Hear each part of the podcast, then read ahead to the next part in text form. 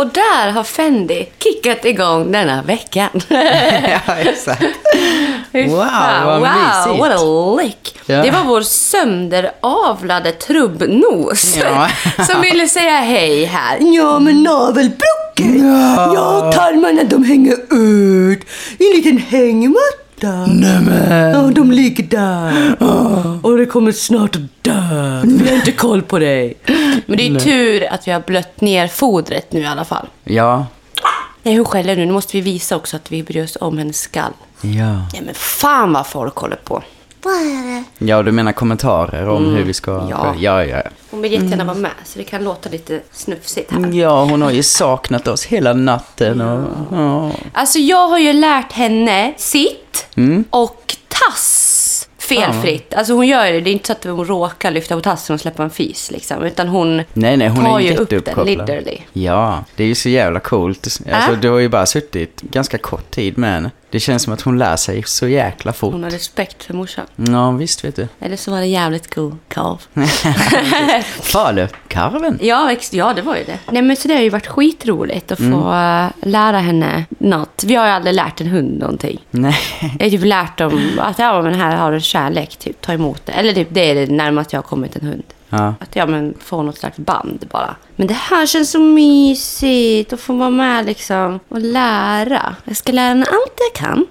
Jag tänkte att jag skulle lära ligg också, men för helvete hon bita sönder bordet här. Nu får du faktiskt gå ner. Nej. Så. Men sen har vi också, vi har ju köpt en bur. Mm. Som vi ska försöka få henne också att känna trygghet i. Mm. Och där har du med suttit och försökt få henne att liksom vilja gå in Ja. i buren bara där. För att det blir ju lätt att typ när hon sitter i den så börjar hon skälla ganska Mm. mycket. Bångstyrig. Hon vill bestämma, hon vill ta sig ut liksom. Alltså nu har jag ett bombastic side-eye Jaså? nedanför mig. Här. Jajamän. Mm. I alla fall, den delen också, det har ju vi valt att vi vill verkligen träna på för att hon... Ja, men vi skulle kunna ta med buren, Mm. kunna ha henne med på grejer och att hon kan gå in där och söka sitt lugn. Ja. Om det blir mycket och sådär. Hon är ju väldigt liten fortfarande så man tar ju med henne lätt i knät och sådär nu men känns också... Ah! Fitta vad ont det gjorde! Bet hon om i hälsenan. Den ligger där, en klump. Hon ligger och tuggar på den. Mm. Det är ju en kamphund, livsfarlig hörni. Passa er om ni ser henne på stan. Fy fan. Nej, men i alla fall så eh, det har ju också funkat. Hon har ju varit inne där flera gånger nu och vänt. Ja, men det känns ju Kul. verkligen som att det är viktigt att hon... För det är ju som du sa med att jag menar, hon tyser ju jättemycket till oss med nu. Mm. Och det hade varit nice om man bara... Ja, men att hon hittar något ställe där hon kan vara och där hon känner att hon vill bara ligga och mysa liksom. Ja, och sen också kunna så här, faktiskt känna, men typ om vi åker iväg Mm. en stund, att hon kan ha det som att, att hon kan till och med känna att ja, men nu har de åkt, nu går jag in där och lägger mig lite. Mm. Ja, vad jag skulle säga. Vi har ju gjort en rolig TikTok som vi ska lägga ut idag, där vi reagerar på, oj, låttexter. Ja, exakt. Alltså, vi har ju väldigt stort intresse överlag av att ja, så här, prata om känslor och om utveckling och vad är vad och så här. Och vi eh, stör ju oss ofta på låttexter. Ja men verkligen. Alltså när man väl börjar lyssna på dem och vad de egentligen sjunger så kan man ju många gånger bli så här bara what the fuck. Det är ja, liksom- och det är bara- intressant att kolla vad de sjunger. Alltså, Ja. Och ibland sitter vi och så bara, men gud, vad är det här för text? Mm. Vad handlar det om? Så brukar vi typ sitta och prata emellan oss själva. Typ så här, ja men om någon låt, att de bara sjunger om att de inte kan leva ut varandra. Och, och man Mm. bara, "Ah, skitgulligt, men fan, det borde ni ju kunna still. Ja, alltså tack. så här, vi fattar ju vad man vill säga. Det är ju typ så här kärlek. Mm. Men ibland så är det roligt att spinna iväg i det. Och det har vi gjort idag på TikTok. Ja. Så vi tänkte vi skulle lägga ut den idag. Mm, fan vad kul. Mm, så det ser jag jättemycket fram emot att göra. Får se vad reaktionerna blir där. Vi snackar ju mycket om det här också, liksom att man vill ju inte att man vill ju inte göra så att folk blir upprörda. Samtidigt känner vi bara så här, men vad fan. Ja men det är så här, det är ju texterna vi reagerar på. Det är inte så att vi reagerar på någons utseende eller sitter och... Och jag menar, så mycket som folk sitter och reagerar på grejer. Som du sa också, det sitter ju kända influencers och liksom reagerar på Love Island och program på tvn och liksom så här literally skrattar åt andra människor. Ja, på verkligen såga dem rakt och det tycker jag också är skitkul. För Ja, ja. det är liksom en fri yttrandefrihet man har såklart. Mm. Inte att såga dem så, men att prata om vad folk gör. Ja. Och varför de gör det utan att kränka. Liksom. Mm. Så. så man är ändå så här, ah shit, ja. Jag har ju aldrig gjort något sånt. Så att jag blir också så här, okej, jag vill. Och jag vet vilken anledning. Så, ja. Ja, ja, nej men precis. Och det handlar ju, som du säger med, att det handlar ju om låttexterna liksom. Mm. Och vi pratar ju mycket med om det, att fan ibland kan man känna att, alltså det är så sjukt mycket musik där ute idag som bara står och stampar typ. Man känner att, alltså har man inte kommit längre än att prata om de här standardklyschorna eller de här, alltså det känns som att musiken ofta, de bara målar upp en massa stereotyper typ. Mm. Alltså det, det finns ingen eftertanke i det, det finns ingen utveckling i frågeställningarna i texterna eller du vet så här, Mm. ja men typ som vi pratar här i podden, att man många gånger ska liksom fråga sig varför saker uppstår eller varför man känner grejer eller, Mm. Men vet, typ så här, det finns ju aldrig några sådana Vi frågeställningar kan ta ett exempel, typ så här. Mm. Alltså, om någon sjunger så här bara Åh, min familj har svikit mig hela livet Och jag mår piss över det. Alla kan dra åt helvete. Ja, och nu knarkar jag. Wow. För att jag kan det för att de har svikit mig. Och nu sviker jag därefter min familj Men det är inte mitt fel för det var min familjs fel från början. Wow!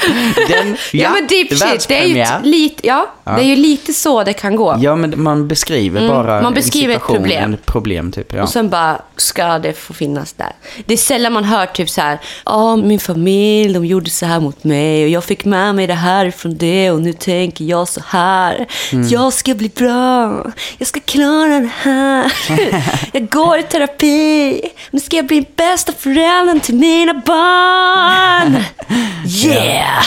Men så kan jag tycka att det är väldigt mycket i allt egentligen som läggs ut idag. Mm. Eller typ hur folk pratar där ute. Folk pratar oftast bara om problemen. Mm. Man konstaterar problemen men man snackar aldrig om vad det finns för lösningar kring det. Eller Mm. om det finns några perspektiv på det. Hur ska man kunna vända på det? Eller vad, alltså, Mm. ja, det känns som att det bara stannar i det här att man bara statar ett Ja, problem. men det, man statear ett Sen- problem. Alltså, förlåt, men exakt, nu florerar det ju en grej på TikTok. Ja. Det är ju Bells, den här låten. Kör till vad ska du göra med några tjejer? Det är ingenting, jag har flickvän, säger han då. Ja, och nu har ju någon annan tjej gjort det här ljudet. Santi, vad ska du göra med alla tjejer i DMs? Allting. Jag ska gaslighta min flickvän.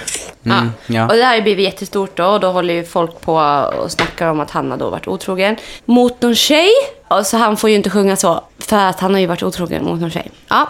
Och då tänker jag så här direkt, så här, jag bara, okej, där stannar det ju. Typ alla bara hatar på den här killen. Jag, jag säger att jag har ingen aning vad som har hänt överhuvudtaget. I don't give a fuck actually. Jag tycker bara det är tråkigt att man direkt bara går på, ut på sociala medier utan att ha varit med i deras förhållande och veta jag kan tycka det känns bara så obehagligt att man outar så här, en person för någonting som den då har gjort utan att den, alltså utan att få veta varför. Det sprids så fort. Mm, ja. Och jag tycker bara det är så läskigt. Och just det här tanken med otrohet. Att är det verkligen det värsta man kan göra mot någon? Jag känner bara så här. Okej, det är skithemskt om man är i ett förhållande. Och det är skitbra om man verkligen absolut inte fattar att det skulle kunna hända. Och helt plötsligt kommer hem och ser sin största kärlek ligga i, i säng med någon annan. Det är skittufft och jättehemskt. Men jag förstår ju inte heller liksom så här, är det så... Det kan inte vara så jävla bra mellan två personer. Och jag fattar inte hur man inte kan se det innan. Vi snackar ju jättemycket om det här. Ja, men alltså det finns ju en uppsjö av olika anledningar till att saker händer. Som vi brukar Ja. säga, det finns förklaringar på allt. Och det är väl någonstans det som är det stora problematiska i Mm. det här. Att folk går ihop som en jävla mobb och Ja. bara ska liksom, ja men det är ju den här cancel-kulturen. Liksom. Och nu är det så mycket så här, ja, men vadå, hon var mycket snyggare än honom så att hon kommer hitta någon igen. Man Ja. bara, åh det är så ytligt och toppen på isberget. Man blir så här, vad i hela fridens liljor? Mm. Ja, de Det är enda vuxna som egentligen... människor också så här. Jag tänker så här. Alla gör misstag. Alla gör dumma saker ibland. Kan man inte kolla på varför man gjorde de där grejerna? Ja, men det är precis det det ska handla om. Mm. Alltså, och de enda som egentligen vet och skulle kunna göra det jobbet whatsoever är bara de själva. Det är ingen annan som vet Mm. Men jag hur tror också relationen att han har, sett gått ut, ut. Han har gått ut och snackat om att de absolut inte hade det bra. Mm. Jag har inte hört det själv och jag vet inte vad... Alltså jag har läst i kommentarer typ att han har gått ut och sagt det. Ja. Och jag tänker så här, okej, de har inte haft... Han har fått lov att gått ut och sagt någonting om det här. Och bara det kan ju vara skitjobbigt. Och hon har ju säkert skitjobbigt också. Ja, för att det är en uppsjö och hon känner sig också säkert så här, vad fan. Ah, skitsamma. Det känns bara som att varför är man inte mer noga med att låta sånt där vara bara? För man Ja. vet aldrig. Nej men så är det ju med allting med. Jag menar du vet så här, folk får sån jävla hysteri bara av typ om de här stora tidningarna skriver någonting. Stora rubriker, folk läser ju Mm. Ja, men när liksom Machine Gun. Kelly var otrogen mot Megan Fox. Mm. Man bara, världens jävla grej. Ja. Alltså det är ju världens jävla grej. Mm. Vem fan vet hur de har haft det hemma? Okej, jag säger inte att det är okej med otrohet. Jag tycker inte någonting är okej när det kommer till att såra varandra överhuvudtaget. Nej. Men det är större än så. Ja, och frågan är som sagt varför har det där hänt Ja. och varför hade man då... Alltså det finns så jävla många olika anledningar till att saker händer. Liksom. Exakt så. Du, jag kan säga så här. Jag har varit otrogen. Alltså inte fysiskt kanske, men psykiskt så har jag varit otrogen. I min värld tycker jag det. Alltså för att jag har känt att jag skulle vilja vara med en annan person. Kanske inte just en person, utan jag har känt att jag vill ett annat håll. Och jag dras till andra män när jag är, har varit i ett förhållande en gång. Och det här är ju också en grej, som- att gå och känna så här. Det är ju ingenting man vill när man är i ett förhållande heller. Alltså inte, var det ingenting jag vill i alla fall. Ja, men det nej, po- nej. pockade på mig på ryggen hela tiden att gud jag vill någon annanstans, jag trivs inte här liksom, jag mår inte bra. Och då var ju mina ögon också mycket mer så här upplysta åt den vägen. Mm. Så att när det var killar som gav mig uppmärksamhet så vart det liksom starkare än om jag hade varit lycklig hemma. Då hade jag bara nej. Ja, ja. Alltså den grejen. Och jag känner så tydligt också när jag tänker efter så här att fan, det är ju för att det inte var bra i förhållandet som jag ville därifrån. Mm. Och jag sökte annat. Och jag tycker inte det är något fel. Jag tycker, gud vad bra att jag kom fram till det. Ja. Och att det var okej nu. Jag har hört flera människor som säger, ah gud, ah, jag trivs så bra hemma. Men fan, jag tänker på andra. Man bara, okej, men varför tänker du på andra liksom? Är det verkligen det? Att, alltså, är det någonting med andra? Alltså är det andra män man tänker på när man känner att man tänker på andra? Eller är det bara kroppen som vill dra dig därifrån? Och det är typ första bästa vägen. Typ. Ja, för att ens behov förmodligen behöver något annat. Ja, Eller typ exakt. så här, det handlar inte om liksom behoven av att, åh shit, jag måste dit och ligga med den där. Utan det handlar ju snarare mer om, okej, vad är det i situationen man befinner sig i som inte är tillfredsställd? Det är ju någonting som, ja, ens behov behöver men ju någonstans exakt. ses över. Vad är det man känner och varför känns den känslan starkare än att vara där man befinner sig liksom? Ja, men ja, det är väl bara det man, man känner lite. Det är så lätt att bara döma ut på TikTok och bara helt plötsligt så har 300 000 människor sett det där och börjar kanske, inte fan vet jag, det kan ju bli hot i hans DM. Det Ja, kan ja, bli det massa skit, onödig skit som inte behövs finnas. Och jag säger så här, jag vill inte försvara att man är elak mot varandra. Det tycker jag inte är okej överhuvudtaget. Jag vill inte att folk ska vara ledsna. Liksom. Det är skittråkigt. Men samtidigt så är, vad är syftet med att sitta och kasta skit på varandra på det sättet? Nej, nej. Jag vet inte. Men jag tror också att, alltså, jag tänker mycket på, att, alltså var kommer allt det här ifrån? Mm. Det måste ju komma sjukt långt tillbaka i tiden. Det här Mm. med vad, alltså att otrohet är en sån stor skam. Och att man, alltså det Mm. Det är känns det som att det värsta kom- man kan göra mot sin Ja, partner. ja, ja. precis. Agning, det var okej. Ja, men det, är liksom, det känns som en sån här kyrklig grej som Ja, kommer ja, ja, från många hundra år tillbaka. Som fortfarande lever kvar i vårt sätt att se på det. Och liksom. mycket i andra kulturer idag också.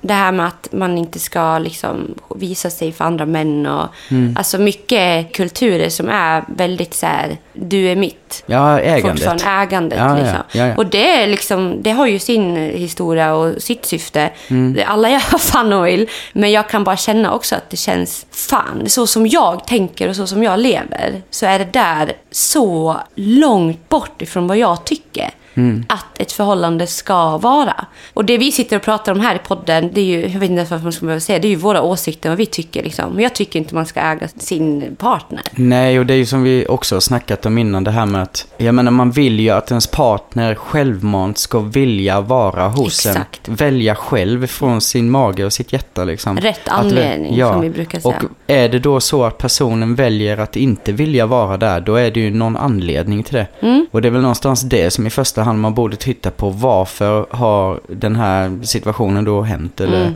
ja. Ja, men exakt. Vad är anledningen bakom? Ja, och bara våga titta närmare på det liksom. Ja, för det, Det- finns inte heller någon utveckling i det här med att bara stå och hacka och tycka att folk är så jävla äckliga för Nej. att de är otrogna. För att det finns också anledningar bakom. Som Och man vet inte heller vad nu som händer i det här framåt hos de här personerna. Och jag tycker också så här, vi är så noga med att vi aldrig ska snacka skit om varandra och man ska vara snäll mot varandra på TikTok. Det är så många större influencers som pratar om det också. Ja, men vi ska backa varandra och vi ska, ja, girl power och det är så här. Okej, men sen kan man bara outa någon och egentligen blir det ju typ skitsnack. Ja, men det blir Det är då helt plötsligt, men det var för en good cause, för den har gjort något fel. Så det är okej att vara elak mot någon bara för att någon har gjort fel. Det är också så här, okej, jaha, men nu är vi helt plötsligt andra regler på det vi har pratat om förut.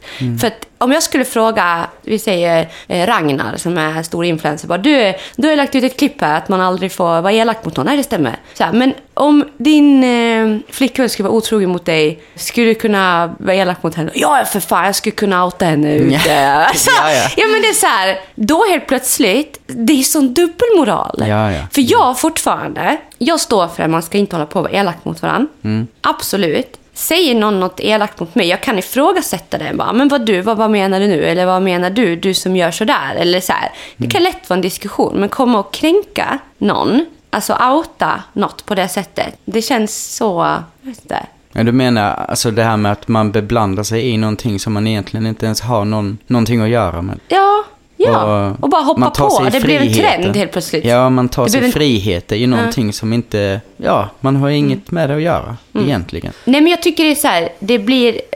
Ja, vi ska vara försiktiga tycker jag. Ja, när det och kommer eh, till allt sånt där. ja, jag känner med många gånger att fan, att man måste också fatta att man behöver mer kött på benen. Mm. Man ska inte hålla på och prata om man inte har information själv. Nej, Alltså- lite så. Så känner jag sjukt ofta i många grejer med. Alltså jag, Mm. jag tänker med mycket så att om inte jag vet saker så då håller jag käften. Mm. För det finns ingen anledning för mig att öppna käften och beblanda mig i grejer som jag egentligen inte vet vad det är på riktigt liksom. Mm. Och om man nu ser upp till, ja, men säg typ att ja, men, Ragnar nu då har varit otrogen mot sin tjej. Mm. Och så tycker man, ser man jättemycket upp till Ragnar och så vill man veta vad det var som hände. Men fråga då Ragnar. Ja, exakt. Säg det igen, Ja. bara du fan jag hörde det här, jag skulle bara jättegärna, men vad, vad fan var det som hände liksom? Mm. Ja, så kan ju han få svara på det. Sen kan du välja att ta ställning där. Vill du Mm. tro på det? Eller bara gå vidare och håll käften? Jag Sen är det med liksom, vad är, vad är anledningen att ta ställning ens? Ja, men Du om man nu vill fortsätta i följa eller om man tycker nu att han har varit en idiot. Alltså att man ändrar inställning kring personen menar jag. Jo, jo. Ja. Men det finns ju typ inte heller, ja alltså, jag vet inte. Jag kan typ tänka snarare att, vad fan, jag menar, det kan fan hända den bästa. Vad som helst. Jag känner att det finns typ ingen anledning heller att ta ställning om man, alltså om någon nu har gjort ett snedsteg så är den fortfarande värd att eh, lära sig på nytt.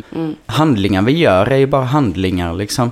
Det har ju ingenting med personen att göra. Nej. Det kan vara en dum jävla handling man gör eller råkar hamna i. Fan, jag har gjort jättedumma saker i mitt liv. Ja, samma här. Jag är en jättebra människa idag. Mm, ja. För att, eh, ja, men, ja exakt. Alltså visst, jag kan känna bara att just med stora profiler så blir det lätt så här. Ja, men jag tänker på också det här som Margot fick gå igenom. Alltså, hon gjorde ett snedsteg och det vart kaos i hennes liv. Mm. Och det är ju bara för att hon är offentlig och stor. Ja. Hade det hänt att någon annan hade gjort så, det hade inte ens tidningen skrivit. Mm. Det är bara så synd att en individ ska behöva stå ut med så mycket över att man har tagit snedsteg. För att alla gör snedsteg. Jag lovar, det skulle vi prata med varenda människa som sitter och lyssnar så har alla gjort någonting dumt någon gång. Men det är lättare att hänga ut någon som är offentlig. För den är typ ingen riktig person. Alltså du skulle ju aldrig gå fram till någon på stan och bara du, jag hörde att du hade gjort det här den dagen. Nej, men då sitter man då bakom sin telefon och skriver. För det är lättare på den personen som är offentlig. Men man glömmer bort att det är en människa. Ja, men det, ja, jag skulle precis säga det Det med, är så tror- hemskt. Men jag tänker mig, så är det ju överallt. Mm. Influencers eller kollegan på jobbet eller whatever. Liksom. Mm. Människor har så jävla svårt att tänka att det faktiskt är en människa bakom. Ja. Det är så här, jag menar, om någon nu beter sig på ett visst vis så finns det oftast förklaringar till det. Ja. Med när allt, och du vet vi har pratat om det här så mycket och det Ja. här är sån unpopular opinion, om man inte hör vad vi säger nu Mm. så låter det här sjukt. Men jag har förståelse för alla människor på hela jorden. Jag kan förstå att man kan bli väldigt skev och må piss och göra sjuka grejer om man inte tar ansvar för sina beteenden. Och att det kan, man kan vara sjuk. Alltså, jag har förståelse för vad en människa kan få, vad heter det för impulser då? Ja, ja. Jag har förståelse för det. Ja, och det är ju som vi brukar prata om. Vad är anledningarna bakom? Vad är det stora varför liksom? Det finns förklaringar på grejer. Alltså man måste ju någonstans börja titta på de här grejerna varför. Ja, men bara som det här med otroheten med som vi snackade om precis. Om man inte ställer sig frågan varför har det här hänt? Vad är anledningarna bakom? Så finns det ingen lösning på det. Det är ingen lösning att bara En stå gång och otrogen, hacka alltid otrogen man. Ja, vad fan är det Åh, om liksom? En gång kriminell, alltid kriminell. Mm. Det är också Det så här, fy så, liksom. fan. Alltså, jag vill bara säga det, jag har ju levt i ett förhållande med en ex-kriminell. Mm. Och jag menar, det förföljde ju honom hela tiden. Mm. Fast det var så länge sedan. Och den tiden som han befann sig i, han gick ut med det här själv, nu ska jag säga, han har ju pratat om det jättemycket, så det är ingenting. Så, jag tycker bara det är så hemskt där också. Hur ska man kunna gå vidare med sitt liv och göra bra ifrån sig? Man har halkat in på ett spår som ung, alltså där man är vilsen och varit med om massa skit. Och sen halkar in på ett spår som är jättefarligt. Men det kändes rätt där och då. Sen ska man ta ansvar för det här och bli en del av samhället. Men du kan inte det sen. För då har du det där med dig. Fast du kanske har gjort rätt för dig. Och det var en annan tid i livet också. Så det känns också som en gång, alltid. Ja, du menar att den yttre synen på Yttre en syn, hela ja jag menar tiden. det. På alltså, de du söker jobb hos, de Nej. du umgås med. Alltihopa. Att du är det du har gjort. Ja, ja. har man ställt till rätt för sig och kämpat på. Jag tänker bara på det här nu också med min familj. Jag vet var det kommer ifrån. Det var en som sa till mig en gång när jag spelade in den här viktresan att jag ska inte försvara det som har hänt mig när jag var liten. Men jag har ju bara förståelse för det också. Det är ju det som hände tror jag också med mig där. Att jag har förståelse varför man kan komma till att till och med röra sitt barn. Jag kan förstå var det kommer ifrån. Alltså röra sitt barn, menar du? Alltså slå. Ja. Jag kan förstå var det kommer ifrån. Jag kan ha förståelse till det beteendet och var det kan komma ifrån. Liksom. Noll procent försvarsbart i mitt liv. Jag tycker Nej. det är vidrigt som fan Och det är att som sagt- slåss. Ja. Men jag bara menar att jag till och med när jag var liten och i min uppväxt så har jag förstått var det kommer ifrån. Mm. För jag ser ju tendenserna och beteendena. Jag ser det ju och jag har fattat det. Och det är det jag säger bara att skulle den här personen i min familj nu som har gjort mig väldigt illa komma till mig om ett par, tre år med en långt jävla brev om vad den har jobbat på med sig själv och hur den tänker framåt och hur den vill bli bättre. Då hade det funnits en chans för mig att faktiskt förlåta det som har hänt. Ja. Men så länge man ser de här tendenserna finnas kvar så har inte det hänt någonting med personen. Och då förblir den så i mina ögon. Förstår du vad jag menar? Ja, ja, absolut. Så jag menar, ser man att ja, en ex-kriminell fortfarande beter sig kriminellt, ja, still there. Ser man att en person är otrogen hela tiden, okej, då kanske det, om du inte tar lärdom av det, nej men då kanske man inte ska dejta den personen, för då kanske man, ja men du förstår. Ja, ja. Då har man ju liksom stämplat på det här kortet på att bli sån, liksom.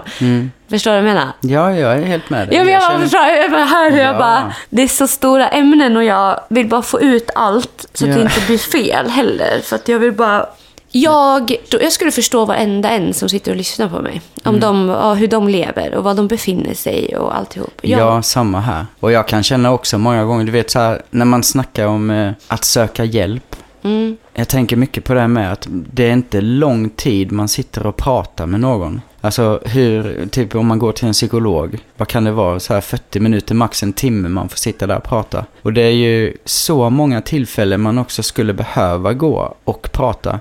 Alltså man måste ju någonstans i det vara sjukt uppkopplad på sig själv och vilja förändras liksom. Alltså som mitt eget jobb med mig själv med. Man har ju fått jobba som fan med att prata med sig själv hela tiden. Nej men alltså här, oftast får du ju inte en psykolog heller. Du får ju en samtalsterapeut. Mm. En samtalsterapeut, oftast så sitter ju den och lyssnar. Och antecknar och frågar vad du behöver för hjälp för att sen dirigera dig vidare. Du får ju träffa typ en sån, tror jag, är det fyra tillfällen eller någonting. Sen så anser den att du inte... Ja, men du vet så här. Det är ju en, en, jag har ju gjort så mycket. Och jag bara säger så här att oftast är det ju faktiskt inte samtalsterapeuten du går och träffar. Så om man tänker efter. Du går och pratar. Det skulle lika gärna kunna vara en spegel där och du skulle titta på dig själv. Ja. Visst, man kan få med sig lite tips, men man vet redan. Oftast vet du redan vad du behöver göra. Jag tror det. Alltså, om man söker i sig själv Ja. så tror jag man kommer fram till vad man behöver egentligen. För du har redan gått till någon. Du behöver få ut vad det är du har inom dig för att också kunna börja pussla vad du ska gå för vägar. Och jag märker det när jag har varit på samtalsterapeut när det har hänt grejer och så här. Och oftast kommer det från åh fan alltså hon fattar ingenting. Alltså man blir bara, jag blir bara förbannad. Alltså, fan du fattar ju ingenting liksom. Du har ingen aning. Alltså det är så här, men i det händer det någonting hos mig. Men det är så här, det är i de lägena. vad är det då hon inte fattar? Och så Ja men exakt, så börjar man säga, liksom. vad är det hon inte Ja. fattar? Men det är att jag känner så här, bara, ah, gud, ja, nu har jag bekräftat min känsla, bra. Jag bekräftar vad som inte gick bra. Jag bara, alltså allt det här pusslandet, sluta inte där. För det är så mycket jag hör, ah, jag har gått till en psykolog några gånger men det funkar inte nu. Man bara, nej, vad är det som inte funkar? Lyssnar hon inte eller vad är det hon ska lyssna på? Och så bara, ah, men, ah, men nej, men jag känner bara att hon förstår inte mig. Men vad är det hon ska förstå då? Och bara, ah, nej men att fan jag behöver ju det här, jag behöver mer av det här och jag behöver, ja ah, men säg att du behöver mer av det då. Ja. Ja, har du gjort det? Nej, det ska ju hon fatta. Man bara, men vart är ditt ansvar och hennes? Hennes ansvar är inte att göra dig frisk. Aldrig. Ja, vårdens ansvar kanske rent medicialt om någon kommer in med en hjärtsjukdom att göra dig frisk. Det är väl klart det är deras uppgift, men det är aldrig någons, det är inte krav på att du ska bli frisk när du går till vården. Det var det jag ville säga bara. Det är du som också måste se till att bli frisk. Ja, så om du känner att du behöver söka hjälp för att du mår psykiskt dåligt så kan vi inte skylla heller på personen som ska ge dig verktyg. Att inte de verktygen, att de inte passar dig. Utan du måste alltid känna efter också, vad behöver du? Det kan vara jättesvårt när man är jättepsykiskt sjuk. Och jätte, alltså såklart, jag säger det, jag, säger, jag bara relaterar till mig själv nu. Att det är så jävla viktigt att man på något sätt bara pusslar i vad är det jag behöver för att komma ur det här. Och sen ta hjälp av vården. Det är det jag menar. Ja, och det de ska göra någonstans är ju att ställa dig frågor så att du kommer fram Ja. till svaren Ja. själv. Och ofta ge verktyg till... Och det är ju det de gör jämt. Ja, men det är ju det det handlar om. Det är ju Varför är du här? liksom.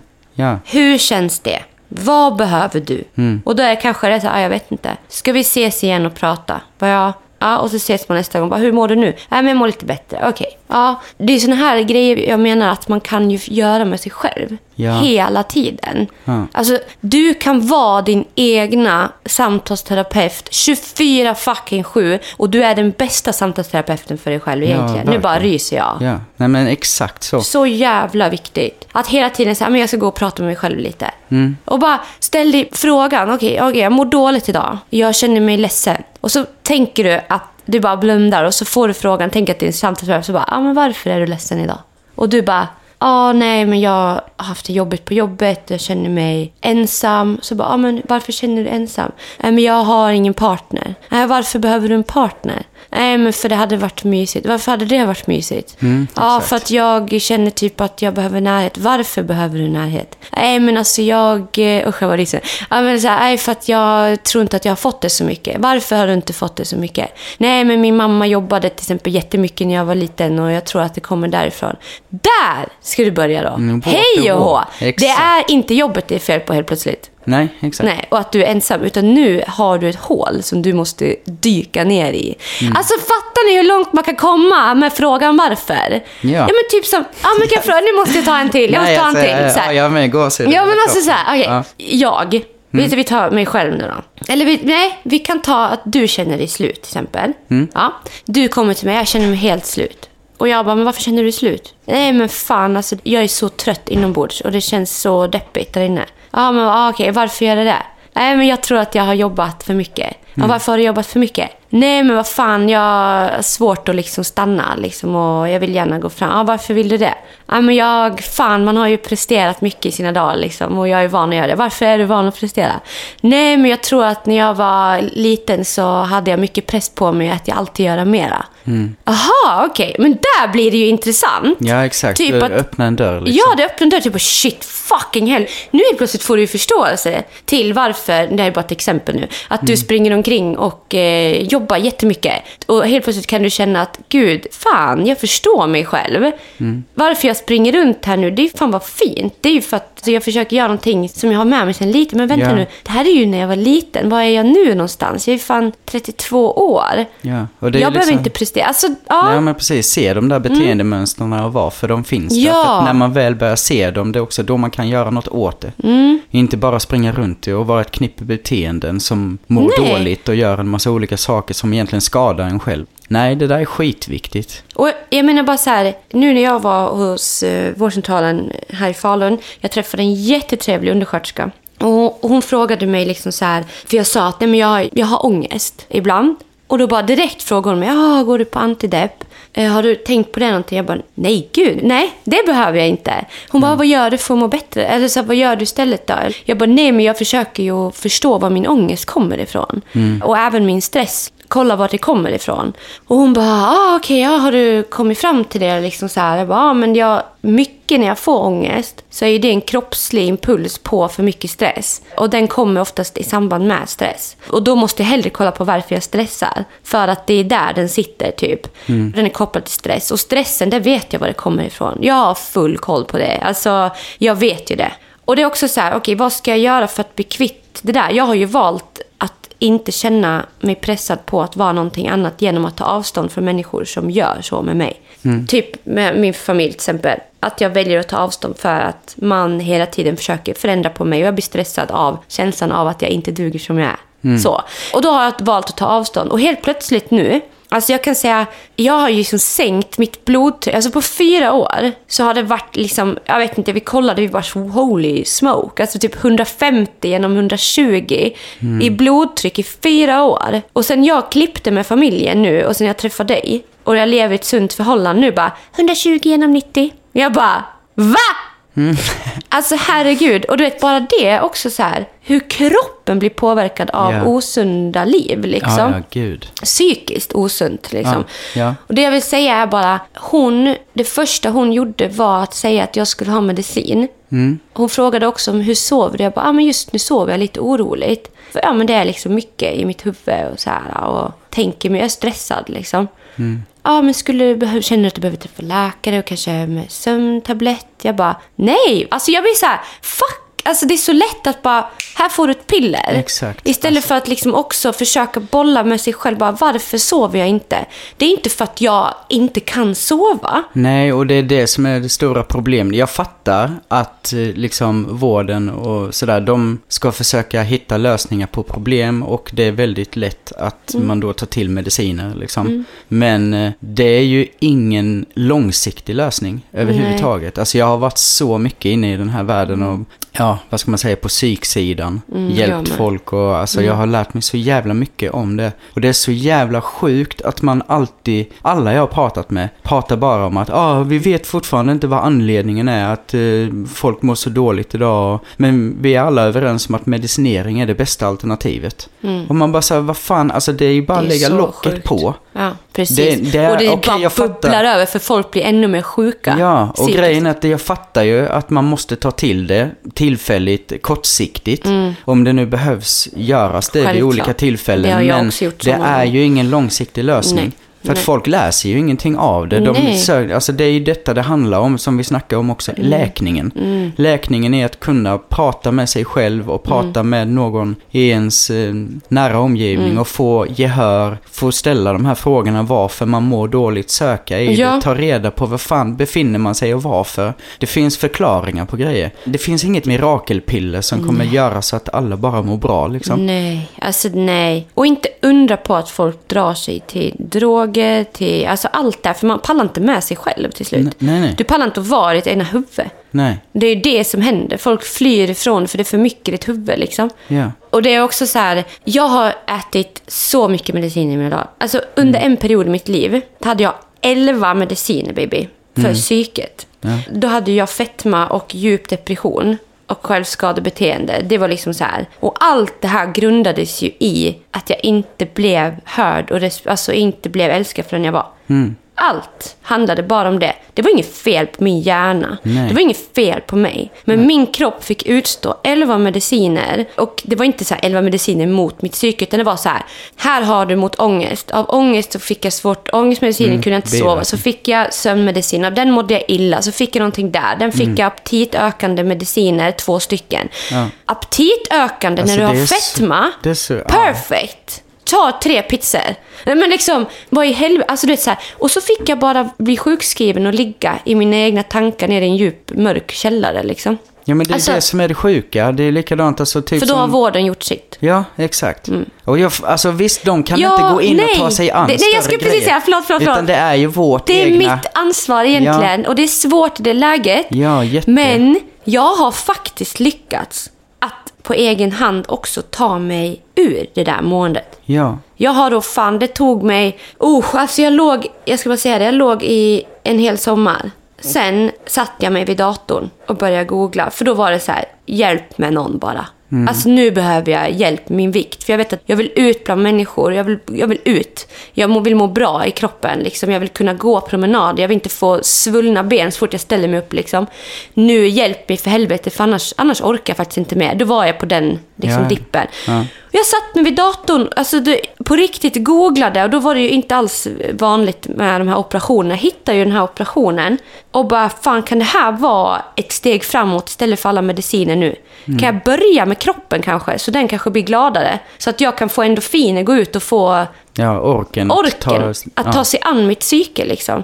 Ja, exakt. Jag visste precis var jag skulle börja någonstans. Mm. Och det där var bara jag. Det var ingen jävel som hjälpte mig. Visst, jag hade min pojkvän då, hans fina familj. Älskar er fortfarande, om ni hör det här. Det, är liksom, det var det. Jag hade ju en liten trygghet som var väldigt viktig under den tiden, självklart. Men fuck, det var jag. Ja, ja. Det var jag som tog mig igenom det där. Och det är också så här, oavsett hur svårt det är så vet vi mer än vad vi vet om oss själva. Liksom. Ja, nej men verkligen. Fan! Det här brinner jag för. Ja, jag brinner så här. mycket så jag luktar svett nu. Ja, det är samma Och jag vill bara säga det igen till alla. Det finns tusen olika skäl varför man söker vård. I psykiatrin, vi pratar om psykiatrin nu. Mm. Och eh, vi menar inte att man inte ska göra det. Det ska Nej. man självklart göra. Alla, så fort man känner att man behöver hjälp så ska man söka hjälp. Alla steg mot ett bättre jag är bra. Spelar liksom ingen roll. Sitter du hemma själv och funderar eller går du till vården. Det är bara bra att man gör någonting. Börja någonstans. Och jag tycker det är, ja, det är Alltså, svårt tror- att prata om för man vet att... Men jag tycker inte det ska vara... Ja, men jag tycker verkligen inte att det ska vara svårt att prata om. Alltså den, jag tror bara att det viktiga är det här vi pratar om, jobbet med sig själv och samtalet med sig själv och sökandet i varför man faktiskt mår dåligt. Det är ingenting som många liksom tänker på. Så Nej. att det blir lätt att man känner sig totalt handfallen, man behöver vård och man lägger hela sitt liv i vårdens händer. Mm. Men de förstår inte heller vad det är för jobb de egentligen ska göra. Nej. För det, alltså jag menar, de här grejerna, vi, de gör ju det de ska. Och de löser saker kortsiktigt. Mm. Det finns lösningar och ibland kan det också vara skitviktigt att ta mediciner Mm. för att komma upp ur det där hålet så att man börjar få energi i kroppen och kan börja jobba Mm. Exakt. Mm. med sig själv. Det är självklart, men just det här långsiktiga, att man fastnar i det. Och man tror att det bara är det som ska behövas. Oh, får jag säga en ha- sak? Förlåt, innan jag glömmer den. Ja. Men så här. Det är så lätt också att vi alla sitter och skyller på hur överbelastad vården är. Ja, men fan, de gör inte vad de ska. Det är långa väntetider och jag fattar om man väntar på en operation. Och Mm. du har fett ont och det enda du kan göra är att gå till vården. Men det är så många också som skyller på, nej, men jag är sjukskriven för depression och jag får ingen hjälp. Mm. Och det där också är, vad är vårdens ansvar och vad är ditt? Precis som du sitter och pratar om nu. Ja. Att snälla, kan vi bara sluta? Nu säger jag rakt ut vad jag känner. Alltså, uff, now, bring it on bitch. Ja. På riktigt, liksom, vems fucking ansvar är det över ditt liv? Är det vården som ska ansvara över ditt liv eller är det du? Du ansvarar ju genom att okej, du får eh, tarmvred. Jag måste åka in och få en operation. Jag har jättekonstig huvud. Självklart att du söker vård. Men jag tänker bara den här psykiska biten på riktigt. Det finns så mycket vi kan lösa själva, som du säger också. Vems fucking ansvar är det? Är det psykiatrins ansvar att du ska bli kvitt dina dumma tankar om dig själv? Och jag måste flika in också och säga att någonting som är asviktigt med att fatta är att vi är ett resultat av det vi kommer ifrån. Tänk dig själv, typ, alltså om jag tittar på mitt eget liv. Jag är uppväxt i en eh, jätteliten eh, håla. Alltså lite människor och jag är uppväxt i min familj och jag har haft de miljöerna jag har vistats i skolan och allt vad det nu är. Och jag har liksom blivit sjukt påverkad av det genom mitt liv som jag har gått. Och blivit den jag är idag. Men hade man plockat upp mig när jag var barn, lyft upp mig ifrån den här lilla stället Kallinge, satt mig i Halmstad, i en lite större stad. Jag har andra vänner, jag har en annan familj, jag har en annan skolgång, jag har, alltså, jag hade ju blivit ett helt annat resultat Mm, än det exakt. jag är idag. Så att det finns liksom sjukt mycket förklaringar också på allting man har gått Mm. igenom i den miljön man har vistats i. Det är där svaren finns, oftast Fan, till ja. varför man Ja. faktiskt mår som man Exakt. mår det är idag. typ liksom. så här, det är som en liten ekvation. Ja. Okej, du är resultat 123. Mm. Och de där siffrorna är en massa händelser och människor liksom. Mm. Ja. Som har gjort dig till siffran 103. Ja, Alltså, det är liksom så jävla intressant. ja jätte. Att det börjar liksom födseln 1 plus 1 plus Mm. 2 plus 4 plus det plus det plus och sen bara poff, här är ett resultat. Ja, och ofta liksom när man snackar känslor med, någonting man ska fatta med är ju att känslorna kommer ju någonstans ifrån. De är oftast kopplade till ens tankar. Alltså jag brukar alltid tänka liksom att så här, okej, det börjar med en tanke, det, eller det kommer en impuls som skapar en tanke. Tanken skapar en känsla i en som gör att man också sen då går ut i samhället och beter sig utifrån den exakt. känslan man har. Och grejen är ju den då att, jag menar, alla de här tankemönstren som vi har också kommer ju också någonstans ifrån. Det kommer ifrån miljön vi kommer ifrån. Det är liksom värderingar och tankegångar man har fått hemifrån, vännerna man har haft i, i skolan, vad Ja. har man fått lära sig liksom. Jag menar, du vet, bara dra tillbaka tiden ett år. Du var så van vid att bli sagd till dig att du ältar och att du är så jävla liksom, alltså sådana här hjärntrasselgrejer som inte ens existerar för att andra har sagt Ja. till dig att du är på ett visst vis. Ja. Men du är ju inte så. Levde ju i den vardagen, man trodde ju det till slut. Ja. Jag bara, nej men gud, jag bara ältar hela tiden. Ja, För att någon annan har sagt det åt mig. Ja, och det är ju inte så. Nej, och... Så jag menar, och när fy du väl fattar det också helt plötsligt så nej fan. Det är ju Det de här tankarna som Ja. gör att man liksom någonstans också kan gå vidare. Och man måste någonstans fatta var de kommer ifrån. Ja, och jag ska säga det också att jag hade nog inte... Alltså jag visste ju i mig att det inte var så. Ja. Men också mötet med dig, av att börja prata med någon som lyssnar, Mm. har ju gjort att jag fattade Ja, också. För det är svårt, om jag hade varit kvar där så hade jag nog inte... Då hade jag nog fortsatt att tänka, är det något fel på mig? ja. Ja, ja. Så liksom. Alltså, Ja. ja. Och det här, jag har exakt haft som skitmycket sånt med. Liksom, Ja. Fått jättemycket sådana här griller i huvudet som folk har tutat Och det i kommer mig. vi säkert få hela livet. absolut. Och det är bara så här, man blir ju inte klar. Jag menar, jag kan, fan det var senast häromdagen jag kände bara, ja men gud nu är det något fel. Jag känner mig, oh, känner mig depp. Alltså jag, jag bara var nyfiken på er själva. Och kolla liksom, för det är precis som du säger. Jag tycker inte om ögonkontakt med människor jag inte känner. Det vet du. Jag tycker det är jobbigt och det tränar jag på jätteofta. Möter jag någon så oftast så flackar blicken och kollar upp i pannan och ner, pannan ner, pannan ner. För jag tycker det är svårt att kolla någon i ögonen. Mm. Så när jag går på stan, då vill jag helst ha solglasögon. Men det känns också ganska otrevligt ibland kan jag tycka. För jag vill också vara öppen och se och Du vet, så här, jag vill ju möta människor och så. Ja. Jag känner, det är ju väldigt många som känner igen mig här och vill komma fram och prata. Och jag blir väldigt instängd när jag går på stan. Så jag brukar ju nu försöka att inte ha det på mig. Men det är också så här, okej, var kommer det här ifrån? Och jag vet ju precis var det kommer ifrån, det här. Och det är liksom någonting som kommer från mobbningen i skolan. Det här när jag gick på bussen, alla kollade på mig. Och jag visste om att du vet, folk skrattade, folk pekade och folk liksom gav mig du vet, så här, krokben och uff. Alltså den känslan av att bli totalt avläst och skrattad åt. Men, ja. Mm, den känslan har jag kvar idag, fast jag vet om att jag är perfekt precis som jag är. Så har jag fortfarande kvar den här impulsen av att oh, jag har lite svårt att gå när jag möter människor som tittar på mig. Så det där är ju, det följer ju med mig, precis som du säger idag. Det är med dig än idag och det behöver inte ens vara här. Nej. Börjar man tänka så där, liksom var det kommer ifrån, så det har ju blivit lättare för mig nu att vara ute Mm. och möta stora samlingar, möta de här. Jag kanske blir trött efteråt, men jag gör det ju ändå. Ja. För jag vet varför. Jag kan inte bara sitta hemma och bara, nej jag tycker inte om folk. Ja. Ja, men söka lösningen Ja. i det liksom. Och kanske om jag träna. går lite och sen kanske jag vet om att jag blir trött. Kanske Mm. om jag går i en stor samling människor, ja då kanske jag behöver vila två dagar efteråt. Mm.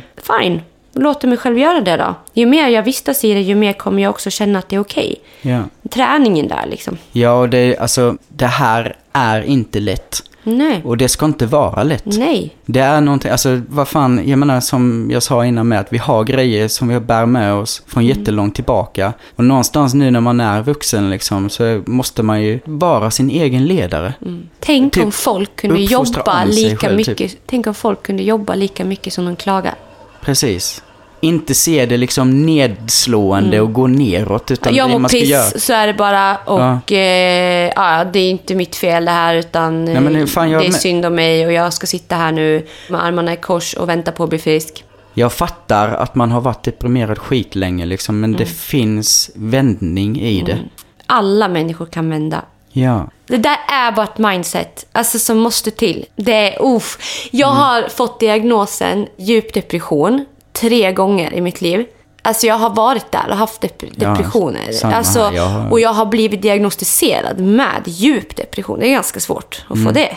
Och då är du liksom så jävla dålig däran. Jag har kommit ur det. Jag har Mm. blivit deppig igen. Jag har kommit ur det.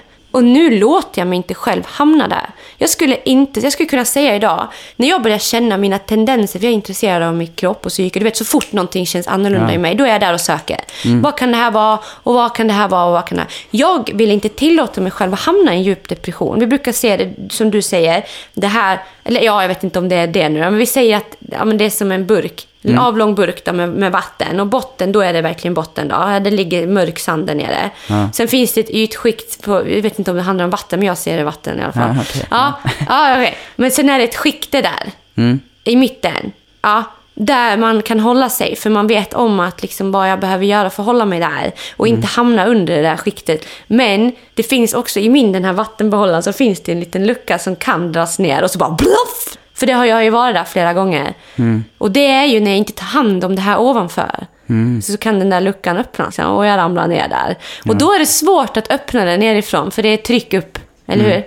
Neråt är det mycket lättare. Om jag tänker efter att luckan öppnas nu och det forsar ner. Så det är lättare att komma neråt än att komma uppåt. Mm. Ja, framförallt jag. när man har varit där nere. Ja, och exakt. vet Och, vad du det ska ja, ja. simma upp, det är dålig syre och det bara trycks på den här jävla luckan. Liksom. Du behöver, ja, det jag menar, jag har lärt mig så mycket att inte hamna där. Mm. Och jag stoppar upp innan jag kommer dit. Och det, Och det är ju för att du vet vad det är som gör att du hamnar där nere. Exakt, jag vet ju vad det är som gör så att jag hamnar där.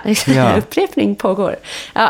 Ja, nej, Mm. men verkligen. Och det är samma sak för mig. Du vet, jag levde också i totalt mörker där nere hela tiden. Mm. Under så många år. Och det gick så långt så att jag levde liksom varenda dag med att jag bara känner att jag vill avsluta. Jag orkar inte mer. Mm. Det går inte. Det var becksvart. Och jag trodde då att det här är jag. Det är så här jag funkar. Det här är mitt liv. Det här är så det ska vara liksom. Mm. Och jag bara kunde inte fatta hur jag skulle liksom ta mig upp därifrån utan det här är jag, jag får väl hålla ut så länge det funkar liksom. Mm.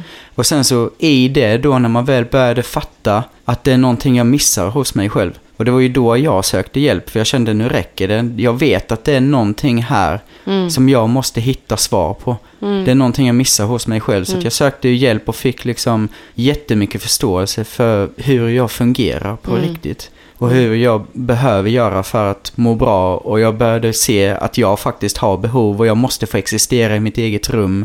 Du vet, jag, det fanns ju inte då liksom.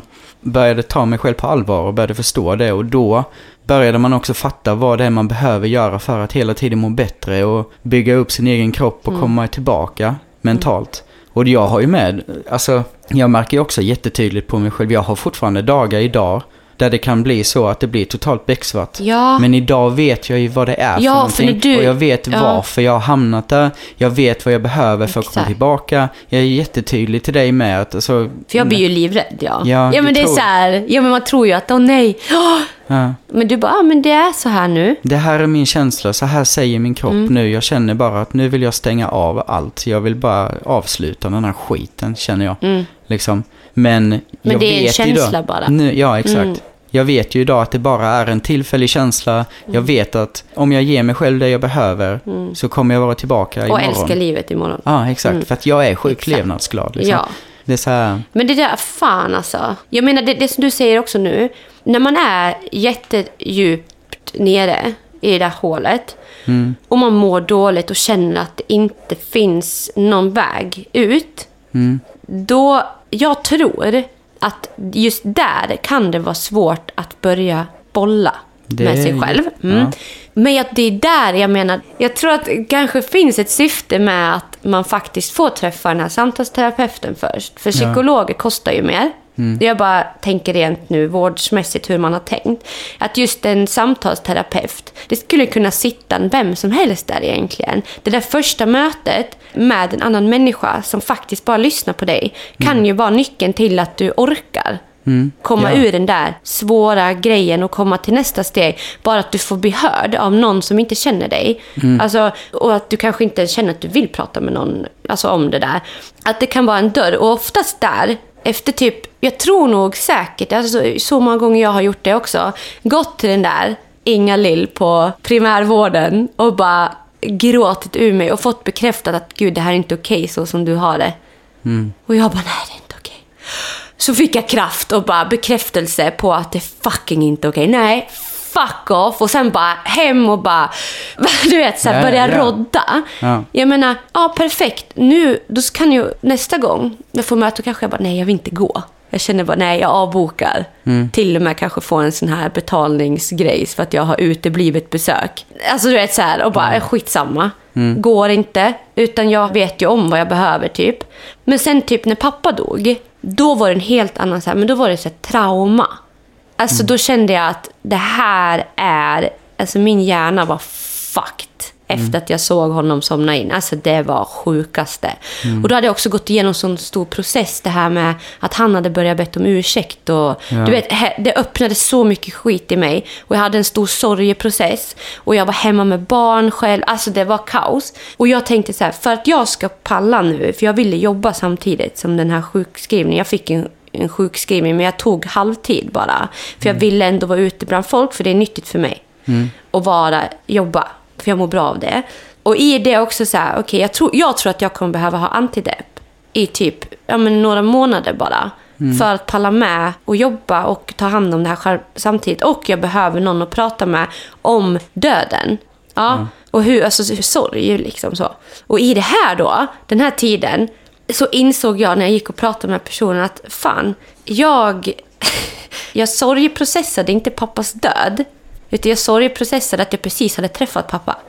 Det kom ju jag i fram till, för vi möttes ju där under de här två månaderna. Och jag sörjde ju att fan, jag har precis träffat dig och så dog du. För jag har ju aldrig känt honom riktigt. Utan de här två månaderna vart ju han på riktigt, när han blev sjuk. Och det var så vackert liksom. Och det var så här, fan shit, jag fick bekräftelse av min pappa och så dog han. Mm. Fuck! Du vet det där, det fick jag processera. Och sen samtidigt i det då söka hjälp i det. Vad vill jag gå vidare med det här? Och typ började bli såhär, men gud fan. När jag fick bekräftelse från honom. Då helt plötsligt så var jag en pusselbit in i mitt livspussel. Och hej och hå vad jag fick kraft att göra annat. Och jag skulle göra det. Jag skulle starta skönhetssalong. Jag skulle göra det här. Jag skulle göra det här. Och jag ska bli det här. Alltså hans död bara poff. Helt plötsligt så istället för att bli deprimerad så fick jag en skjuts. För att jag lärde mig saker i det. Alltså det är helt ja, sjukt. Ja, ja, ja. Nej men fan. Fan, jag vet inte alltså om jag kom in på det nu. Men det var bara så här, just att jag gick och fick lite hjälp. Och den hjälpen jag trodde jag behövde var någonting annat. Mm. Då. Så sjukt coolt. Ja, det, alltså det finns sån sjuk styrka i det. Mm. Och det är det jag bara, för att som jag sa innan mig, jag satt ju också fast i det här och trodde att jag var sån. Mm. Och det är väl någonstans bara det jag vill att folk ska förstå att Det är inte så. Nej. Du vet så här, man, man ska inte identifiera sig med vad man sitter fast i för dåliga känslor och det här mörkret. Man är inte mörkret. Det går att vända på det. Och det är de här tankemönstren och allting som vi pratade om innan. De kommer någonstans ifrån. Man är ett resultat av det vi kommer ifrån. Och det går att förändra det. Och det går att söka hjälp för det. Det går att jobba med det. det alltså det finns en sjuk styrka i det där. Jag tror också så här, jag vill bara säga en sak. Att du vet, man pratar om att psykisk ohälsa är större, ja men det är så stor mängd människor som lider av det idag. Alltså jag fattar ju varför. Ja. Vad lider av det idag? För att du blir så påverkad av så mycket jävla grejer hela tiden. Alltså vi ser ju allt. Jag ser vad som händer på andra sidan jordklotet om jag öppnar telefonen. Jag blir påverkad av folk, hur de är mot varandra och det är skit som händer. Man läser, man... Min mamma sa alltid till mig så här, du måste vara med Klara, du måste läsa nyheterna. Och jag bara så här, idag, jag, bara, jag kollar inte ens. Jag är klart att jag är intresserad av att veta vad som händer i världen ibland. Men jag mår dåligt av att bli för påverkad av andra. Jag måste vara i mig och vara stark i mig. För det är där mitt liv sitter och hur jag vill ha mitt liv. Blir jag för påverkad av massa andra människor och deras åsikter, deras tankar och alltihopa. Till slut blir jag trött. När jag blir trött orkar inte jag ta hand om mitt. När jag inte orkar ta hand om mitt, då börjar jag må då. Alltså, Ja, det är så mycket det här. Jag tror att den psykiska ohälsan, det är ett, tror jag. Jag tror att det är så mycket påverkan från så mycket olika håll. Och sen, vad gör vi? Nummer två, vad gör vi med informationen som har kommit i våra hjärnor? Tar vi ansvar för det? Sållar vi ut det? Tar vi ansvar för vad, vad vi vill ha där och inte? Och så vidare. Det är problem nummer två, tror jag. Ja, gud ja. Det är liksom så här, du får en massa grejer, puff, vad gör du med det? Går du runt och blir påverkad av det liksom, och blir otrevlig eller mår dåligt, går ner dig själv, alltihop det här. Eller vad gör du med det? Det är ett och två. Ja, och alla de här intrycken som Mm. hela tiden sker. Vi gör så jävla mycket på kortare tid hela tiden. Mm. Både jobbmässigt och... Alltså vi får så sjukt många sinnesintryck varje dag. Jämfört med, vad fan spola tillbaka tiden, 30 år liksom. Mm. Det är ju så jävla mycket, vad ska man säga? Ja men intryck som tröttar ut en. Du vet under pandemin, när precis pandemin startade. Mm. Om du tänker efter hur människor oftast låter. Att, ja, jag får ingen hjälp. Och jag vill, eh, ja, vi ska hjälpas åt. Man ska ta från rika och ge till de fattiga. Vi ska vara ett. Du vet så här. Mm. Kommer du ihåg hur det såg ut på hyllorna på affärerna? Mm, ja, ja. Kommer du ihåg hur folk tog på sig den mest egoistiska tröjan och kutade, slogs fram för sitt fucking toapapper? Ja, ja. Alltså, och alla pratar om att det är andras problem. Att du vet såhär, ja men, ah, nej men vi behöver mer av det här och vi ska, vi ska ta hand om varandra här Mm. ute. Välfärden. Sen så fort det hotar lite sin egen lilla familj, fuck everything. Men Då det, bara, ja, det är det som är så intressant med, för Ja. det är både i det lilla, men också i det stora. Mm. För man tittade på alla länder med. Du vet, vi håller på att prata om att hela världen ska bli united och vi Mm. ska finnas där för varandra. Men när det kommer till kritan så är det ingen jävel som bryr sig om någon annan du än sig bara själv. bryr sig om sig själv. Ja, Du ja, skaffar ditt lilla stormkök för du ska överleva det här. Men det är som så här, och ändå, jag, jag förstår det, för jag känner ju likadant. Det enda jag vill är att skydda min lilla familj, självklart. Men det är så vi funkar. Mm. Men om vi alla, ja det är ju exakt, men vi kan inte heller sitta och klaga på att alla ska finnas där för dig hela tiden. Nej, nej. Är så här, sitt inte med armarna i kors i din soffa och skyll på samhället att det är de som ska finnas där för dig. För Mm. du hade inte funnits där för dem om de hade suttit med armarna i kors. Nej. Eller? Nej. Nej. Pretty much. Så. Pretty much. Det är väl liksom så här, det jag kan bara känna lite är att det blir lätt att vi här i Sverige också förlitar oss lite för mycket på samhället. Vi klagar gärna på samhället, vi tycker det är piss och det är dåligt och alltihopa. Men när vi, vi också blir svaga så tror vi att de ska rädda oss. Ja, att någon annan ska komma Någon och annan lösa ska komma och lösa din skit. Och det är också så här, visst, i min erfarenhet, jag vet att jag skulle bli hjälpt om jag blir jättesjuk. Jag känner mig så pass trygg i Sverige att jag vet om att blir jag jättesjuk, vi har en fin vård. Jag ryser bara jag säger det, för jag, jag har jobbat inom vården länge och jag ser det folk klagar på mycket, fine, det finns, det finns mycket där ute som skulle kunna bli bättre. Men vi Ja. har en fantastisk jävla vård enligt mig. Ja, och jag vet att när man väl behöver hjälp, som när du åkte in med ditt hjärta. Mm. Du fick den finaste vården, för du behövde akut hjälp. Ja, verkligen. Men det är lätt också att klaga på vården när man kanske inte är akut sjuk. Typ att jag kommer in och känner mig deppig och inte vet varför. Jag blir sjukskriven några veckor. Och det är där, alltså jag vill bara... Vi kan inte förlita oss där på att alla ska göra allt för dig. Nej men sen är det med så här, alltså det är stor skillnad på så här fysiska åkommor. Till Ja. Mm. exempel som jag är diabetiker, okej, då vet man vad det är. Man vet hur man löser det. hur det är botar vi, eller faktiskt, typ, ja. hur medicinerar vi det här? Grejen är ju den att jag får exakt samma vård var än i landet jag befinner Mm. mig. Men typ när det kommer till den här mentala biten och psyksidan. Då är det ju väldigt individuellt beroende på var man kommer. Mm. Och fan med, alltså det är så sjukt med att man, jag tänker på det här med att man förlitar sig på att andra ska lösa saker. Mm. Det funkar ju inte så när det kommer till den mentala biten. För att Mm. där är det ett stort arbete man måste göra själv. Det finns verkligen ingen psykolog i världen som kan hjälpa någon som inte själv Nej. är redo att axla sitt eget arbete och vill Exakt. göra någonting åt sin egen situation. Det och hur ofta hör man inte folk som har varit på psykiatrin typ, eller så här, vi säger att de har varit hos en psykolog som kommer hem- och bara ah, vad fan så gjort med att göra det här?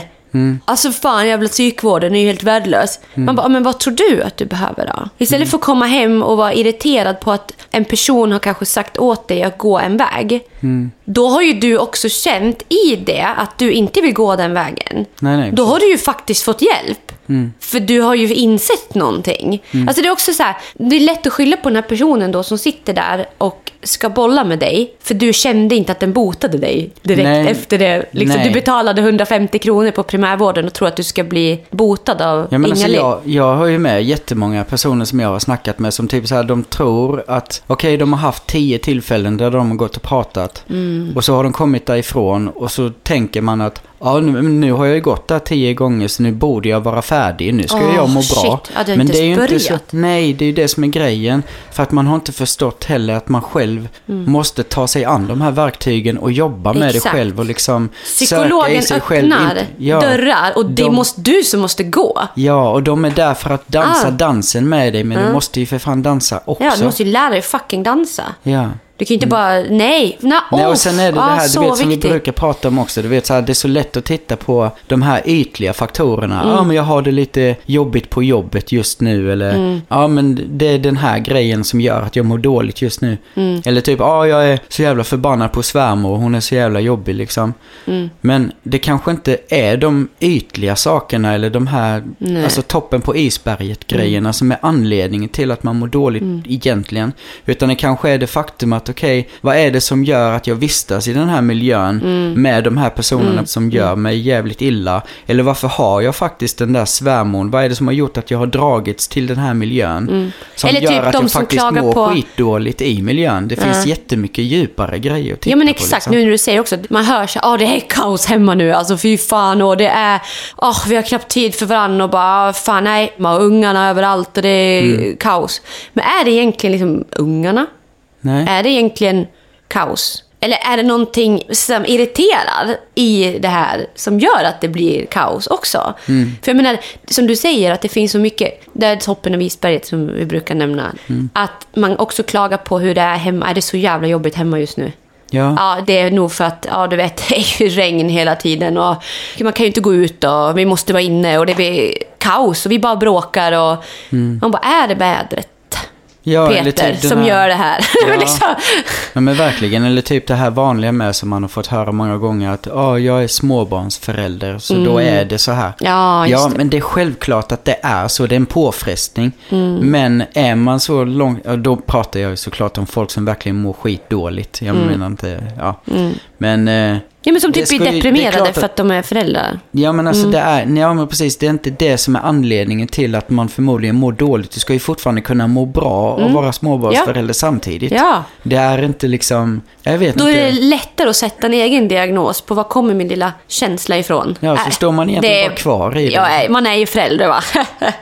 Man bara, ja eller egentligen borde, man har ju fött barn i alla år liksom och pallat med det samtidigt som att, tänk dig de i stugorna hemma Mm. Som uh, liksom varit ute och, inte fan vet jag, man ser ju massa filmer där det liksom går att hämta vatten i, i åarna med barnen på ryggen och går milvägar till skolan och alltså man bara what the fuck? Ja. Hur orkar man med det då? För vi hade inte massa mental påfrestning på samma sätt då. Nej. Vi hade liksom nu den uppgiften, vi ska jobba och vi ska vara förälder.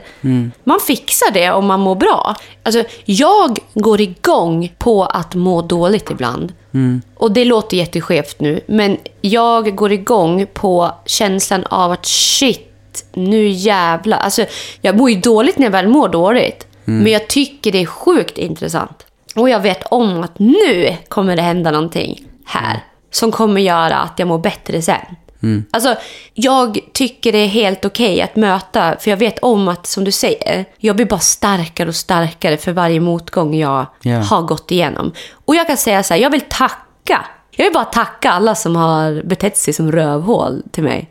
För jag har lärt mig så sjukt mycket om mig själv genom den tiden. Exakt så känner jag med. Mm. Och jag bara så här, om du, folk som bara sitter och gör den här trenden på TikTok. Vad hade du kunnat säga, om du hade kunnat prata med ditt 15-åriga jag idag. Mm. Vad hade du sagt? Jag hade inte velat prata med henne. Nej. Jag hade velat att hon skulle lära sig den här hårda vägen. Jag har velat att eh, Klara ska gå exakt samma väg som hon har gått. Jag skulle inte vilja ändra på någonting. Så jag gjorde om den och bara, saker jag inte visste när jag var 15, som jag vet idag. Det är en helt annan grej. Jag skulle inte vilja gå tillbaka och bara prata med mitt 15-åriga jag. Kom igen nu Klara. Nej, nej. Det, det är mycket så här, vad hade du velat sagt till dig själv i skolan idag? Jag hade inte velat sagt någonting. Jag hade velat att jag skulle lära mig den här vägen. Sen tycker jag att det är Men tråkigt att den finns fortfarande. Det hade inte Ja. behövt finnas, det är inte Nej. det jag säger. Men det hade inte skapat, om inte jag hade fått motgångar i mitt liv så hade inte det skapat heller den här barriären jag har idag. Nej. Den här brandväggen mot idioter och jag är starkare än någonsin liksom. Ja, och det är väl någonstans det som är det stora och viktiga, att oavsett vilken väg man än har vandrat så Mm. ska man ta lärdom av saker man går igenom. Och det är Och ju någonstans så att man inte fastnar i så här olika beteendemönster Mm. bara utan att förstå varför man har dem. För att man mår så jävla dåligt av att gå runt och känna Mm. en massa saker som man inte själv har valt att känna. Exakt. Alltså, det är inte okej. Exakt. Så att oavsett vad så är ju det viktiga att man någonstans tittar på det och faktiskt tar lärdom av olika scenarion. Mm. Ja, och det är också så här, gå inte och säg vad fan vad jag ångrar att jag var med den där jävla killen. Nej, Bara, okej, men du tog ett val. Mm. Och det valet har ju lärt dig någonting. ja. Säg istället bara, fan vad glad jag är att jag träffade den här killen och insåg att jag inte ska vara med sådana killar. Eller, jag ah, menar, fan jag vara- ångrade att jag flippade igår Ja. på fyllan. Ah shit, jag flippade som fan igår och fan vad hemskt. Mm. Skitbra lärdom. Perfekt. Då har ju du liksom någonting att jobba på till nästa fylla. Ja. Så att det inte blir så. Eller alltså, jag fattar inte det. Våga göra misstag och våga ta ansvar för dem. Ja. Det är det. Folk är Ja. så rädda för att göra fel. Istället för det här, det här avsnittet, jag kommer, det kanske kan komma någon nu som är förbannad på mig. Mm. Jag kommer ta ansvar för det. Jag kommer prata om det. Jag kommer prata om, om någon, om jag, alltså förstår du? Ja, Mm. ja. Jag kommer göra rätt för mig alltid. Alltså, om någon tar illa vid sig av någonting jag säger och mår dåligt över det, så har jag inte heller problem att säga förlåt att jag gjorde det illa nu. Mm. Men jag tycker så här. Jag ber om ursäkt, men jag kommer inte ändra min åsikt för det.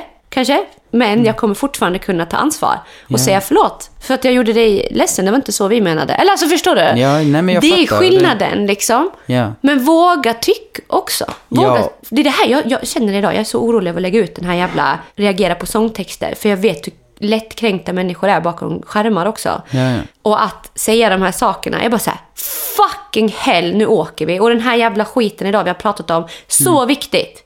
Så jävla viktigt. Och det är säkert så många nu som sitter där hemma och bara känner, fy fan vad jag inte behövde höra det där.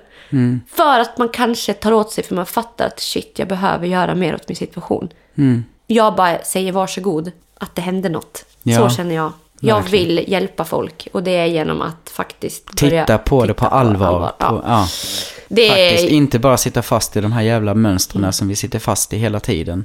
För det finns ingen utveckling i det. nej. Och Vi så många måste- som skriver till oss baby, Alltså det är så många som har bytt jobb. Det är så många som har gått ur sina osunda relationer. Det är så många som orkar ta sig upp ur sängen. Tack vare att de faktiskt också förstår att de klarar det själva. Ja. Och att de inte ligger där och väntar på att bli uppburna ur sängen. Utan de har lärt sig att få kraft i sig själv. Att faktiskt ta sig upp genom att lyssna på det här. Det är de människorna, det är dit vi vill nå. Vi vill nå ut till alla Ja, och anledningen mycket också varför vi pratar om det här är ju för att vi är Vi också vet att det funkar. Vi vet ju för vi kommer Ja. från total skit och misär Ja. båda två liksom.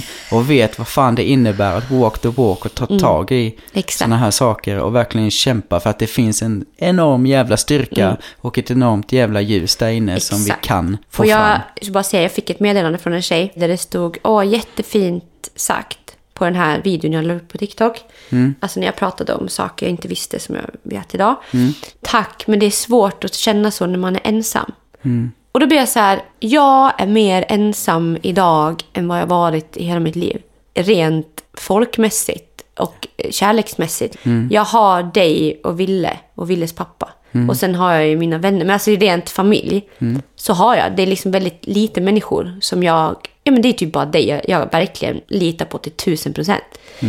Är det att vara ensam? Är det, handlar det om folk? Eller handlar det om att inte vilja vara i sina egna tankar? För det är oftast det som är obehagligt när folk är ensamma. Det är då allt kommer. Så jag säger så här. Att gå ifrån att ha trott att jag är ensam utan min familj, till exempel. Till att känna mig så rik idag på att vara ensam i folkmängd och verkligen älska att lyssna på mig själv och vara intresserad av mig själv. Alltså, det var som du sa, du har aldrig känt dig så ensam som du är idag. Eller du har aldrig varit så ensam som du är idag. Du sa det i den här podd. Ja, precis. Men, vad sa du? Jag har aldrig varit så här ensam som jag är idag. Men inte heller varit så här lycklig som jag är. Nej, exakt. Tänk att det finns människor, ni som känner er ensamma, tänk att det finns människor som är typ ensamma. Men är lyckligare än någonsin. Börja kolla på varför du har människor runt dig. Varför du ska ha tusen personer runt dig. Varför du måste åka på den där släktmiddagen som du hatar. När du egentligen bara avskyr det liksom och bara vill vara i fred. Ja, och den finaste situationen där när det kommer till ensamheten med Mm. är verkligen den, Mötet med sig själv. ja, alltså verkligen relationen med sig själv. Du vet, Mm. Det är man den viktigaste den. du har. Ja, gud. Folk är så noga med att säga att de har dåligt hemma. De har dåliga relationer med folk och relationen, det är fel på relationen, bla bla bla. Men hur är relationen med dig själv? Mm. För den relationen måste ju vara skitbra innan du ens kan inleda en relation med en annan människa egentligen. Jag menar, relationen med sig själv är A och O. Och det är verkligen som vi har sagt också många gånger, det är så här, det enda du kan påverka, det är dig själv. Mm. Du kan.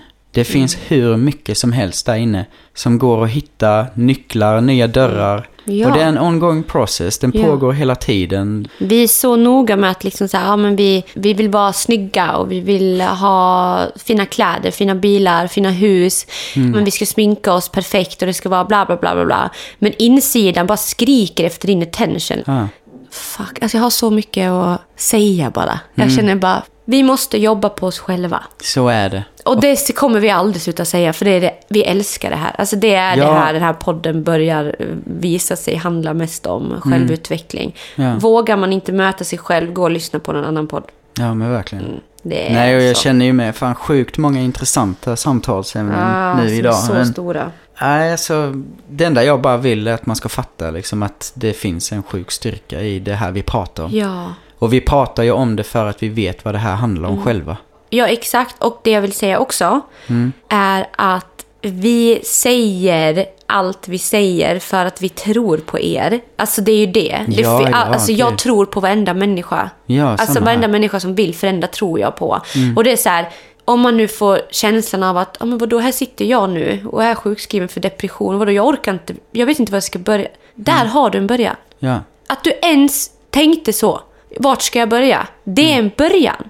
Sitt inte och se målet framför dig redan och tänker gud vilken lång väg det är. För det är väl som du brukar säga till mig, det är resan som är målet. ja, Alltså att du ens tänkte så där, men gud vad sa, att du ens tog åt dig där. Kanske är det början. Startskottet. Startskottet. Ja. Och blir du nu irriterad och triggad av det här? Yes, vad bra. Det är också ett Kom igen. Det är ett sökande. Du blir triggad. Varför blir du triggad? Fråga dig själv. Alla ni som har blivit triggade av någonting i det här. Varför blev du triggad? Ja. Skitintressant. Ja, i alla fall. Jag vill bara avsluta och eh, säga en sak också. Att igår så satt jag på golvet här. När du satt och eh, gjorde Jobbade. magi. Ja. Som ni som kommer på lördag kommer få... Oh, oh my god. ja. Ni är de första som kommer att få uppleva det här. Och det är, det är uppleva som kommer få ta del av det här. Ja, precis. Oh, jag är så nervös. Och Ja. ni som kommer, och ja, det är så rätt att ni kommer. För att, jag vet inte, det är startskottet på någonting stort för oss. I alla fall, skitsamma. Och det är ingen annan som kommer på scenen. Skitsamma. Jag satt på golvet här medan du jobbade med det. Med Fendi på min bröstkorg. Och sen satt jag och tänkte jättemycket på mig själv. Och på vad jag är. Och hur stor jag är i mig själv. Och jag tänkte massa fina tankar bara så här. Och sen så tittade jag upp mot spisen.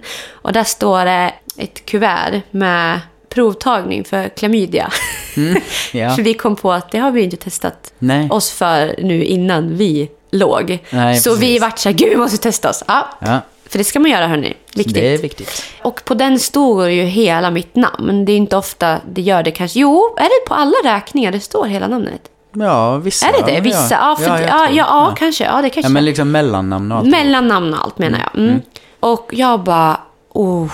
Jag bara gick in på Skatteverket igår och bara plockade bort mitt andra namn. Alltså jag fick bara en sån känsla att jag vill inte heta som den här familjemedlemmen gör. För jag har dens namn emellan. Jag vill inte förknippas. Jag vill inte att varenda gång jag ska åka och göra någonting så bara, ah, är det du som heter Klara mm, Difke? Nej, jag vill inte ha ditt namn i mitt liv. Så länge inte du finns i mitt liv så vill jag inte bli påverkad varenda fucking dag. Nej. Så kände jag när jag satt där och jag bara kände mig så, det kändes så sjukt. Jag bara gick in, ändrade och sen bara borta, det försvann ju på en gång. Och de bara beslutade det igår. Så jag, jag Hur känns det? Det känns bra, eller? det känns jättekonstigt. Ja. För att precis som att ta bort något annat som man har haft hela livet. Mm. En förälder, fan vet jag, en stor tå. Det känns som en del av kroppen försvinner. Mm. Men jag har redan bearbetat det så länge så det var bara solklart. Det känns bra. Jag känner att ju mer jag får bort det här toxicityn ur mitt liv, ju bättre mår jag. Så jag gjorde det för mig. Mm. 250 spänn. Tips. Med Klara 20 så får ni, Ja, så får ni 20 I samarbete med I samarbete med Skatteverket. Skatteverket så får ni 20% rabatt på alla namnbyten. Nej. Nej. Nej. använd inte kod nu fan det finns inga rabatter på Skatteverket. Den dagen de har rabatt på skatt, då kommer jag vara först. Nej. Ja, men hörni, så vi har inte gift oss och eh, jag har inte bytt efternamn. För jag vill inte byta efternamn. Jag tycker mitt efternamn är jättefint. Jag har ingen dålig koppling till mitt efternamn. Trots att jag inte har någonting med familjen att göra så har jag inte det. Och mitt förnamn är jättefint. Jag vill inte byta. Så gifter vi oss någon gång så får vi heta Dupplis. Ja, Ja. så är det. Men, hörni, mina små kärlekskorvar. Vi har inte sagt någonting sånt där på hela avsnittet. Vi har Nej. bara haft debatt här. Ja, verkligen. Det har varit väldigt laddat. Mm, det Ja, men det är bra. Det gillar jag. Det är spännande. Mm, kul. Så mycket mejl vi kommer få nu. Wow! Men, eh, Men tack för idag. Och, och här. hörni, det här är ju sista avsnittet nu innan livepodden. Så Ja. nästa gång ni hör oss så är det livepodden. Åh, För vi tänker att ni ska få uppleva den. Så vi kommer spela in den. Mm. Den kommer upp nästa vecka åt er. Yes. Yes. Finns där poddar finns. Yeah.